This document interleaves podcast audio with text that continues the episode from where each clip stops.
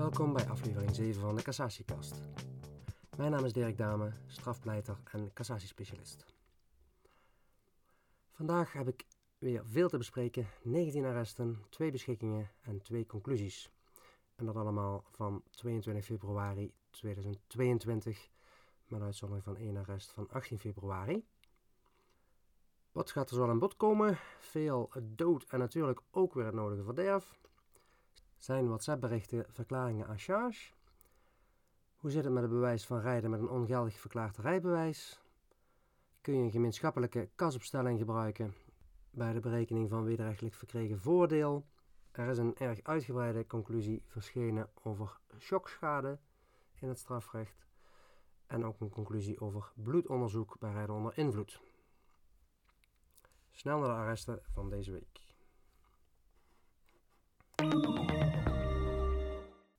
Ik begin met een viertal uitspraken in zaken waarin het slachtoffer het niet heeft uh, mogen overleven. En al die vier die zaken die eindigen in een toepassing van artikel 81 RO door de Hoge Raad. De eerste zaak is nummer 250. Dat is die woningoverval op een hoogbejaarde vrouw in Helmond. Waarbij die mevrouw om het leven kwam. De conclusie van de advocaat-generaal die had ik al besproken in aflevering 1 van de cassatiekast strafrecht. Dus daar verwijs ik bij deze naar. De Hoge Raad gaat over tot toepassing van 81 RO, zoals gezegd. Dan twee samenhangende zaken uh, die ook al in de cassatiekast aan de orde zijn geweest. De conclusie van één van die twee betreft nummers 175 en 176. En dat ging over die doodslag na een ritje in een auto, wat al dan niet vrijwillig zou zijn geweest maar wat in ieder geval wel tot een veroordeling tot wederrechtelijke vrijheidsberoving heeft geleid en wat de Hoge Raad dus nu onherroepelijk heeft laten worden door de toepassing van artikel 81 RO. Vervolgens een zaak die nog niet aan de orde is geweest, dat ging om een doodslag en wel door een spanband om de nek van het slachtoffer te doen, die met kracht aan te trekken en aan een deurklink te bevestigen, ten gevolge waarvan het slachtoffer is uh, overleden. Daar wordt een uh, bewijsklacht geformuleerd over de doodsoorzaak, want uit de bewijsmiddelen zou niet blijken op welk moment het slachtoffer is overleden. Daarvan zegt de advocaat-generaal dat doet niet ter zake dat moment dat hij is overleden. Het gaat erom dat het causale verband tussen de gedragingen van de verdachte en de dood van het slachtoffer bewezen is en dat kan gevoeglijk uit de bewijsmiddelen worden afgeleid. Het tweede middel ziet op de verwerping van het verweer over noodweer excess dat is verworpen omdat niet aannemelijk is geworden dat de bewezen de gedragingen, dus het, uh, het, doden van het slachtoffer, dat die het onmiddellijke gevolg waren van een hevige gemoedsbeweging die was veroorzaakt door de eerdere wederrechtelijke aanranding van de verdachte door het slachtoffer. Uh, daarvan zegt de advocaat-generaal dat heeft het Hof wel uh, goed uit het dossier kunnen afleiden, uit het verhandelde ter zitting. Immers heeft de verdachte bijvoorbeeld ook verklaard dat hij zei van nou, het had misschien anders afgelopen als dat slachtoffer zijn excuses had gemaakt voor wat hij hem eerder had uh, aangedaan. Ja, dus daaruit blijkt wel dat dat niet een onmiddellijke gemoedsbeweging was, maar dat er andere motieven aan zijn handelen te grondslag lagen. Ook hier gaat de Hoge Raad over tot toepassing van artikel 81 RO. En het laatste levensdelict is een liquidatie in Nieuwegein. Het gaat om het medeplegen van moord en een brandstichting in de eerste vluchtauto. Daar ging het in cassatie over de verwerping van een alternatief scenario, waarin de verdachte aangaf dat hij zat te wachten in de tweede vluchtauto en dus niet aanwezig was op de plaats delict waarvan Daan met de eerste vluchtauto naar hem toe was gereden en dat hij in de veronderstelling verkeerde dat die medeverdachte dus een ripdeal zou gaan plegen, dus niet iemand zou gaan vermoorden en ook nog eens de vluchtauto in brand zou steken. Ook daar is de Hoge Raad kort over 81 euro. Dit zijn overigens de zaken geweest met nummers 249 en 277. Dan ga ik nu door naar zaak nummer 252. Dit is de eerste van twee zaken over de toepassing van artikel 416 lid 2 strafvordering. In deze cassatiekast al meermaals aan de orde geweest. Dat is het niet ontvankelijk verklaren in het hoger beroep door het Hof, omdat er dus geen grieven zijn opgegeven, niet voorafgaand aan de zitting en ook niet aan het begin van de zitting in hoger beroep in deze zaak, en die is ook al in de orde geweest, de conclusie in ieder geval in aflevering 1 van de cassatiekast, uh, concludeert de Hoge Raad ook tot toepassing van artikel 81 RO. En daarmee geeft de Hoge Raad aan dat het Hof de stelbrief, inhoudende dat het verdachte het niet eens is met de strafmaat, dus dat zat toch wel een grief in uh, verweven in die stelbrief, dat het Hof niet gehouden was om die aan te merken als schriftuur, als appelschriftuur. Dus mocht het Hof oordelen dat er geen schriftuurhoudende grief is ingediend en evenmin ter zitting bezwaar zijn opgegeven.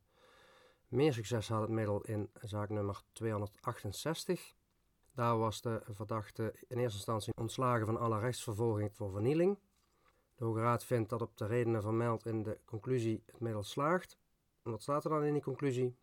Namens de verdachte is tegelijk met het aanwenden van het hoger beroep een appelschriftuur ingediend en zijn later per e-mail de bezwaren tegen het vonnis ook nog herhaald. Uit de stukken van het geding volgt dat deze schriftuur en het e-mailbericht door het Hof zijn ontvangen.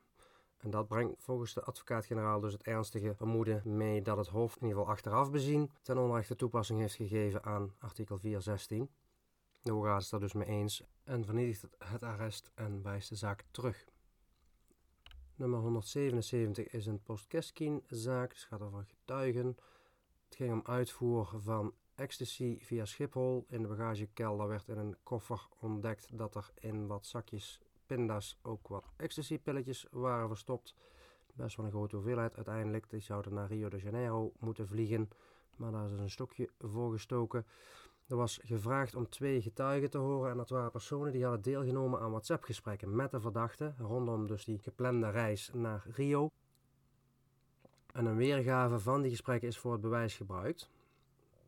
Nou zijn die uitlatingen volgens de Hoge Raad geen buiten de aanwezigheid van de verdediging afgelegde getuigenverklaringen, als bedoeld in de Keskin-jurisprudentie. En dan wordt dus het belang bij het horen van die getuigen niet voorondersteld.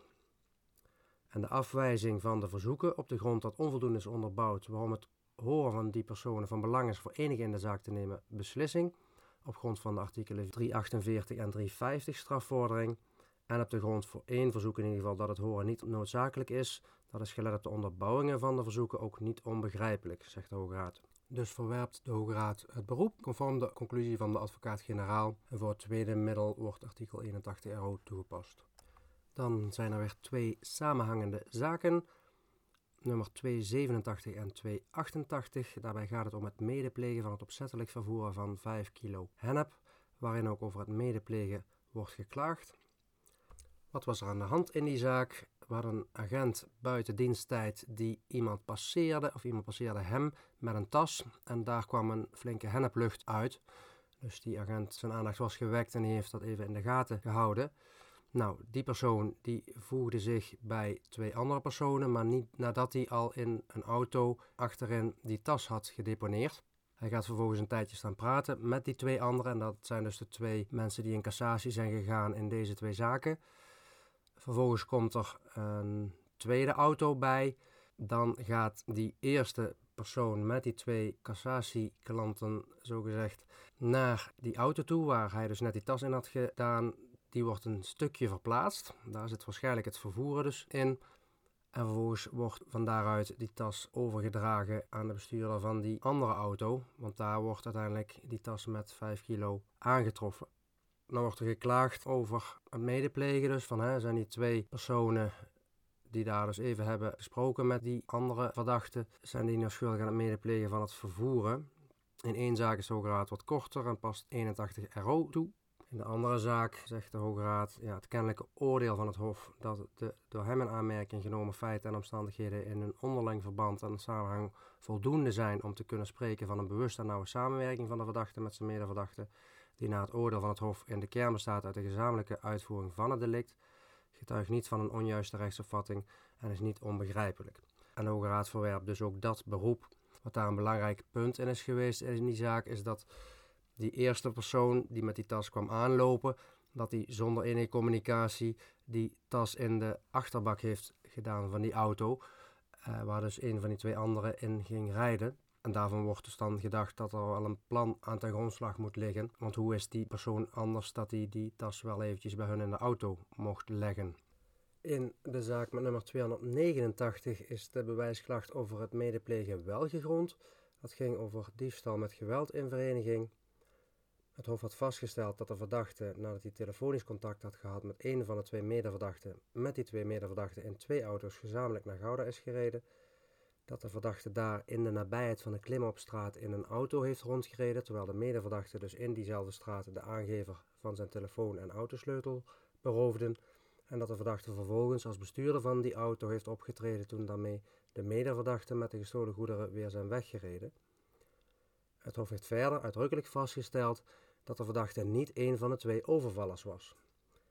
In aanmerking genomen dat de vastgestelde gedragingen van de verdachte doorgaans met medeplichtigheid in verband worden gebracht, behoefde dit oordeel van het Hof volgens de Hoge Raad dat de verdachte dus medepleger van de overval is geweest, nadere motivering. Het Hof had er nog wel bijgehaald dat de verklaringen van de verdachte niet overeenstemmen met de bewijsmiddelen en dat de verdachte geen duidelijkheid heeft verschaft over zijn rol. Maar dat is ook voor dat oordeel niet voldoende, zegt de Hoge Raad. Dus die vernietigt het bestreden arrest en wijst het terug. Dan zoals aangekondigd uitspraken over het rijden met een ongeldig verklaard rijbewijs. En twee zaken sneuvelt het arrest van het Hof. Dat zijn nummers 286 en 289. In 286 zegt de advocaat-generaal al dat uit de bewijsmiddelen niet blijkt dat het besluit tot ongeldig verklaring aan de verdachte bekend is gemaakt en dat het ook van kracht was doordat zeven dagen zijn verlopen na die bekendmaking, nog dat aan de verdachte geen ander rijbewijs was afgegeven, nog dat de verdachte ten tijde van de bestuur van het motorrijtuig wist of redelijkerwijs moest weten dat zijn rijbewijs ongeldig was verklaard. De Hoge Raad begint zelf over het toetsingskader uit het arrest HR 2019-1146 en zegt vervolgens het cassatiemiddel klaagt terecht dat uit de bewijsvoering niet zonder meer kan volgen dat de verdachte wist of redelijkerwijze moest weten dat zijn rijbewijs ongeldig was verklaard en ook niet dat na de ongeldige verklaring van het rijbewijs aan de verdachte geen ander rijbewijs is afgegeven. In zaak 290 is niet vastgesteld dat de brief over de ongeldige verklaring de verdachte heeft bereikt. Die was wel aangetekend verzonden, maar was niet gebleken dat die ook was aangekomen en bezorgd. Die wetenschap kan volgens de AG ook niet worden afgeleid uit de verklaring van de verdachte. Die was opgenomen via zo'n kruisjesformulier en daardoor was die voor meerdere interpretatie vatbaar. En evenmin kan die wetenschap blijken uit de verklaring van de verdachte dat hij wel wist dat hij fout zat, want hij was namelijk ook aangehouden wegens huurwerk. Dat was de reden voor de aanhouding, dus daar kan die opmerking ook betrekking op hebben gehad. En ook hier zegt de Hoge Raad dat cassatiemail terecht klaagt dat uit de bewijsvoering niet zonder meer kan volgen dat de verdachte redelijkerwijs moest weten dat zijn rijbewijs ongeldig was. Dus je ziet dat in deze zaken het nogal nauw komt en dat ook in cassatie er nog wel winst te behalen valt. Dan twee zaken waarin ook vooral over het bewijs werd geklaagd, maar waarin ook artikel 81 RO wordt toegepast. De eerste is 293, dat gaat over het meermalen plegen van het medeplegen van witwassen. Daar werd er met name over geklaagd dat de feiten en omstandigheden waarop de bewezen verklaring rust in de wettelijke bewijsmiddelen niet zo goed zou zijn aangegeven. En ook wordt gezegd dat het Hof aan de hand van de inhoud van facturen en kassabonnen had moeten controleren of de conclusies die in die bewijsmiddelen worden getrokken ook wel overeenkomen met de gevolgtrekking die het Hof daaruit heeft getrokken. In de andere zaak met nummer 292 ging het om ontucht met twee dochters. Daarin werd geklaagd over het bewijsminimum, de onestestisregel en het gebruik van schakelbewijs. Maar komt de Hoge Raad dus ook tot een ongemotiveerde verwerping van het beroep. In de zaak met nummer 291 ging het erom dat de politierechter had volstaan in het vonnis, wat door het Hof werd bevestigd, met een opgave van de bewijsmiddelen. Zoals dat bedoeld is in artikel 359 strafvordering en dan de tweede volzin van het derde lid. Maar de advocaat van die verdachte had in hoger beroep vrijspraak bepleit voor één van de drie ten laste gelegde feiten. Dat was een apart parketnummer dan kan die bepaling dus geen toepassing vinden. En daarom had het Hof in zoverre alleen mogen bevestigen als ze alsnog ook de aanvulling met de bewijsmiddelen hadden toegevoegd. Dus wordt voor dat feit in ieder geval het arrest vernietigd.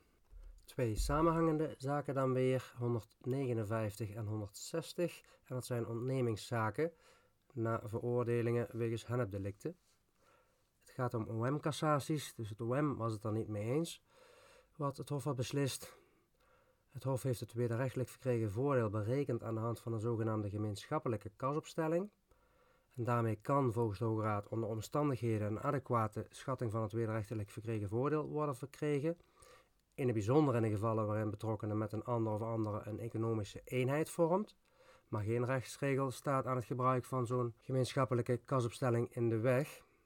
Desondanks moet, zegt de Hoge Raad, mede gelet ook op het reparatoren karakter van de ontnemingsmaatregel, steeds worden uitgegaan van het voordeel dat de betrokkenen zelf in de concrete omstandigheden van het geval daadwerkelijk heeft behaald. Wordt ook verwezen naar een arrest van 2015. Het gebruik van een gemeenschappelijke kasopstelling mag er dus niet in resulteren dat een van de betrokkenen meer voordeel wordt ontnomen dan hij daadwerkelijk heeft verkregen. En dan lijkt het op dat dat in dit geval wel aan de hand was, namelijk in die zaak 159. Daar ging het om een ontneming van ruim 5000 euro. Maar daarin had het Hof anders dan het kennelijk zelf had bedoeld, wel voordeel toegerekend voor een bepaalde hoeveelheid hennep, terwijl dus de betrokkenen in de strafzaak was vrijgesproken van zijn betrokkenheid bij die hoeveelheid. En dan is de geringsjurisprudentie natuurlijk ook van toepassing. Dus daarom gaat die zaak over de kop, maar ook die andere gaat mee. Daar was ruim 8000 euro voordeel toegerekend. Maar nu het Hof is uitgegaan van een bepaalde verdeelsleutel, brengt de onbegrijpelijkheid van de berekening ten aanzien van de medebetrokkenen mee dat ook de toedeling aan de betrokkenen in die zaak, dus in 160, niet zonder meer begrijpelijk is. Voorts is in die zaak niet begrijpelijk dat het Hof bij de uitgavenpost contante uitgaven 11.470 gram hennep een bedrag van 19.270 euro heeft opgenomen. En ook om die reden vernietigt de Hoge Raad het bestreden arrest en wijst het terug. Dus die zaken gaan allebei terug naar het Hof. Het laatste arrest is uitgesproken in een herzieningszaak. Daar ging het om het medeplegen van een diefstal met geweld. En er zijn er twee gronden aangevoerd voor herziening. Het gaat trouwens om nummer 285. In de eerste plaats was aangevoerd dat de bewezen verklaring in hoger beroep in de strafzaak van een medeverdachte niet is overeen te brengen met het vonnis van de politierechter in de zaak van aanvrager, die dus kennelijk geen hoger beroep had ingesteld. En dan ziet het met name om het aspect van geweld. Dus bij deze persoon, bij de aanvrager van herziening, was diefstal met geweld bewezen verklaard, het medeplegen daarvan. En bij die medeverdachte enkel het medeplegen van diefstal. Daarvan zegt de Hoge Raad dat dat niet het in artikel 457 lid 1 sub a strafvordering bedoelde geval oplevert, dat bij verschillende uitspraken bewezen verklaringen zijn uitgesproken die niet zijn overeen te brengen. Denk ook wel begrijpelijk. Het kan natuurlijk zijn dat ieder een eigen rol heeft, dat ze samen de diefstal plegen, maar dat dus de ene inderdaad geweld gebruikt, maar de ander daar niet uh, het opzet op heeft gehad en dat ook niet heeft medegepleegd. De tweede grond die aan het verzoeningsverzoek is ten grondslag gelegd, is dat in de zaak van de medeverdachte ter terechtzitting van het Hof camerabeelden van het geweldsincident zijn getoond, terwijl in de strafzaak van aangevrager de politierechter wel kennis heeft genomen van screenshots van de camerabeelden, maar geen camerabeelden op de zitting zijn getoond.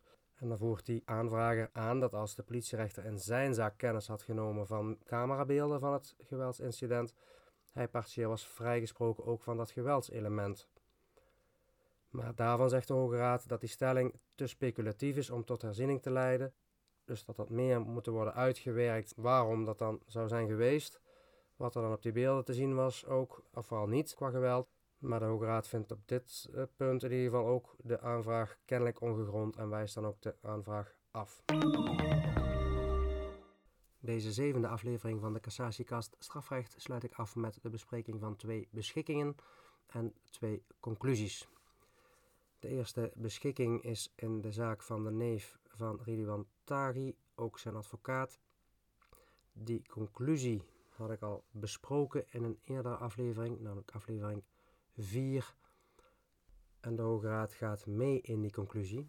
Wat was er ook alweer aan de hand? Er werden diverse gegevensdragers in beslag genomen onder die advocaat, grond van artikel 98 strafvordering. En dat was zowel in de EBI, op zijn kantoor, als thuis. De Hoge Raad die herhaalt de algemene overwegingen uit een arrest uit 1999 en een arrest uit 2002 met betrekking tot de doorbreking van het verschoningsrecht en ook twee arresten uit 2018 met betrekking tot de procedure die moet worden gevolgd bij toepassing van artikel 98 strafvordering. Als de onderzoeking plaatsvindt bij een advocaat en de RC de stukken meeneemt naar zijn kabinet ter nadere beoordeling, gebeurt de inbeslagneming op grond van het voorlopige oordeel van de rechtercommissaris dat de stukken kunnen dienen om de waarheid aan de dag te brengen. Wordt verwezen dan naar een arrest uit 2014. Een dergelijke handelwijze is ook in overeenstemming met wat de wetgever voor ogen heeft gestaan in de gevallen waarin op het kantoor van de verschoningsgerechtigde vanwege de omvang van het te selecteren materiaal slechts een eerste selectie kan worden gemaakt. De rechtercommissaris heeft het regime van zeer uitzonderlijke omstandigheden van toepassing verklaard en daarmee tot uitdrukking gebracht dat het verschoningsrecht van de klager en de daarmee samenhangende beperkingen van de beslag- en doorzoekingsbevoegdheden moeten wijken voor het belang van het aan het licht komen van de waarheid van de feiten waarvan de klager wordt verdacht. Op grond van de mededeling van de officier van justitie over het nog te verrichten onderzoek van de rechtercommissaris moet er in cassatie van worden uitgegaan dat de rechtercommissaris dus ten tijde van de behandeling van het klaarschrift door de rechtbank, behalve ten aanzien van de in de EBI in beslag genomen iPad en notitieblokken, nog niet een beslissing, geen definitieve beslissing op grond van artikel 98 lid 1 was genomen over het beroep op het verschoningsrecht. Daarom had de rechtbank de behandeling van het klaarschrift in zoverre moeten aanhouden om de zaak in handen van de RC te stellen. En na terugwijzing door de Hoge Raad zal dus de rechtbank, als de rechtercommissaris dat inmiddels niet in de tussentijd heeft gedaan, ook voor de overige in beslag genomen voorwerpen een beschikking op grond van artikel 98 moeten uitlokken. In de volgende uitspraak nummer 279 komen we de dood weer tegen. Het gaat namelijk om een beklag tegen de inbeslagneming op grond van artikel 94a strafvordering, dus conservatorbeslag op twee auto's onder een ander. En die ander was na de inbeslagname overleden. Het ging om inbeslagneming in 2011 en die betrokkenen was eind 2012 overleden. Nou, vervolgens is er in 2014 uh, een zitting geweest in de beklagprocedure en is er pas in 2017 een beslissing genomen, dus een jaar of zes na de inbeslagneming. In deze zaak ging het om een Lamborghini en een Mercedes. De waarde daarvan in totaal was rond de 70.000 euro. Die auto's waren verkocht door het OM. En de waarde, dus de opbrengst, is na vrijgave van de beslag aan de Belastingdienst uitbetaald vanwege een beslag dat de Belastingdienst had gelegd, omdat die overleden persoon nog schulden had bij de Belastingdienst. Toen heeft de rechtbank gezegd in de beklagprocedure van ja, dat beslag is geëindigd doordat het is overgedragen aan de Belastingdienst. En daarom heeft die klaagster in dit geval, hè, dus een erfgenaam van die overleden ex-verdachte, geen belang meer. De Hoge Raad vindt dat ook en verwijst naar de conclusie van de advocaat-generaal. En die wijst erop dat op grond van artikel 19, lid 3 van de invorderingswet 1990 het geld niet moet worden teruggegeven. Geen teruggave in strafvordelijke zin, maar door de houder had moeten worden overgedragen en ook is overgedragen aan de ontvanger. Dat doorkruist dus de strafrechtelijke teruggaveregeling en de daarmee verband houdende regeling van de beëindiging van het beslag. Aan de in artikel 134 genoemde gevallen van teruggave kan dus door het voldoen aan de verplichting van artikel 19 invorderingswet immers niet langer worden voldaan. Tegen die achtergrond geeft het oordeel van de rechtbank dat de op de auto's rustende beslagen zijn geëindigd geen blijk van een onjuiste rechtsopvatting. Dus de klaagster wordt in het cassatieberoep niet ontvankelijk verklaard wegens het gebrek aan belang. Dan kom ik aan de conclusies toe. De eerste is nummer 166, dus PHR 2022-166. Dat is een conclusie, en dat is wel bijzonder, een gezamenlijke conclusie van een strafrechtelijke en een civielrechtelijke advocaat-generaal, in dit geval Spronken en Lindenberg. De verdachte was veroordeeld, geloof tot 15 jaar en TBS vanwege het stalken en daarna vermoorden van zijn ex-vriendin. En het ging er met name om dat de ouders zich hadden gesteld als benadeelde partijen en onder meer ook shockschade vorderden vanwege de ernstige gevolgen waarmee zij werden geconfronteerd na het gewelddadige overlijden van hun dochter en het zien van haar stoffelijk overschot. Het Hof heeft hen in dat gedeelte van de vordering niet ontvankelijk verklaard en daar gaan de cassatiemiddelen over. Die worden pas besproken na een uitvoerige algemene beschouwing over de civielrechtelijke aansprakelijkheid voor schade door confrontatie met een schokkende gebeurtenis en ook aanbevelingen van die twee advocaten-generaal voor hervorming van de rechtspraak over vergoeding van psychische schade en de vaststelling van smartengeld in het strafproces. het is een zeer uitvoerig en ook rechtsvergelijkend verhaal, onderbouwd met 264 voetnoten, dus dat is best vorst. In het concrete geval toegepast zeggen de advocaat-generaal dat het er veel erop lijkt dat het Hof zich in het kader van het strafgeding niet in staat heeft geacht om de voorliggende rechtsvraag te beantwoorden. Dus niet omdat de stellingen van de partijen onvoldoende waren onderbouwd of de daarin ten grondslag liggende feiten niet waren bewezen, maar omdat het voor het Hof zelf gewoon onvoldoende duidelijk was of hetgeen wel is gesteld wel voldeed aan de voor toewijzing van de vordering geldende materieelrechtelijke criteria. En in die zin achtte de advocaten-generaal de motivering van de niet-ontvankelijk verklaring van de vorderingen niet begrijpelijk. En vinden ze dus dat het Hof in principe daar wel gewoon een inhoudelijk oordeel over had moeten geven. En dat ze niet bij gebrek aan wetenschap, dat is wat er een beetje uit doorcijpelt, niet bij gebrek aan wetenschap de vordering niet ontvankelijk hadden mogen verklaren. De laatste conclusie is 168 en dat gaat om een vrijspraak door het Hof van rijden onder invloed van cannabis en cocaïne. Het OM gaat daartegen in cassatie. Het Hof had gezegd, nou er is geen sprake van een onderzoek in de zin van artikel 8, vijfde lid van de Wegenverkeerswet. Er zouden een aantal waarborgen zijn geschonden van het besluit alcohol, drugs en geneesmiddelen in het verkeer. Bijvoorbeeld de waarborg dat het monster zo spoedig mogelijk moet worden overgebracht naar het lab. En ook dat op het laboratorium direct in een bestand de datum van ontvangst door het lab moet worden vastgesteld. En bovendien is er een termijn van twee weken in dat besluit opgenomen. Van dat alles zegt de advocaat-generaal in ieder geval dat zijn niet de strikte waarborgen waaraan zo'n onderzoek moet voldoen. Dat valt buiten die kernwaarborgen waar wel streng de hand aan moet worden gehouden. En in dit geval is met name belang, bijvoorbeeld bij dat zo spoedig mogelijk overbrengen naar het lab, dat tegenwoordig de monsters direct worden ingevroren, dus bij min 20, min 21 graden worden bewaard.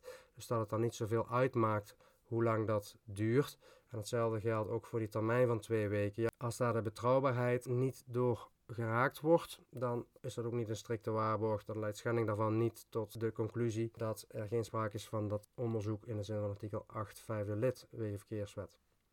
Dus die conclusie die strekt tot vernietiging en terugwijzing. Het Hof heeft de verdachte wat betreft de AG te makkelijk vrijgesproken en moet het werk opnieuw doen. Dit was het voor aflevering 7 van de Cassatiekast Strafrecht. Like, subscribe en comment om deze podcast een beetje te boosten. En kijk vooral ook eens op cassatiekast.nl voor de show notes met alle links naar de uitspraken. Dank voor nu voor het luisteren. Graag tot volgende week.